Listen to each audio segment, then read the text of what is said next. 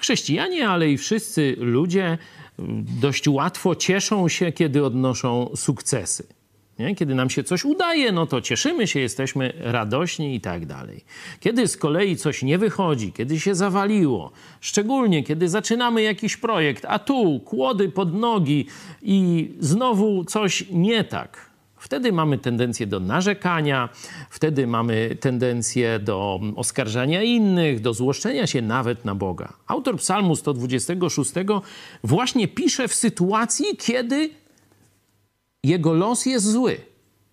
I właśnie przypomina czasy, kiedy Bóg błogosławi, a to wszyscy się radują, to jest bardzo łatwe. Ale kiedy źle idzie, to tu jest próba człowieka. Dlatego on modli się, albo nawet stwierdza też pewien fakt. Ci, którzy siali z łzami, niech zbierają z radością. To modlitwa. Ale zaraz potem już uogólnia. Jeśli idziesz w posłuszeństwie Bogu, to nawet jeśli masz na początku podgórkę, to zobacz, co będzie dalej.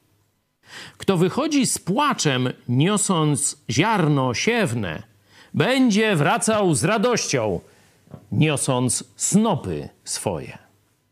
Pamiętaj o tym, gdy będzie podgórkę.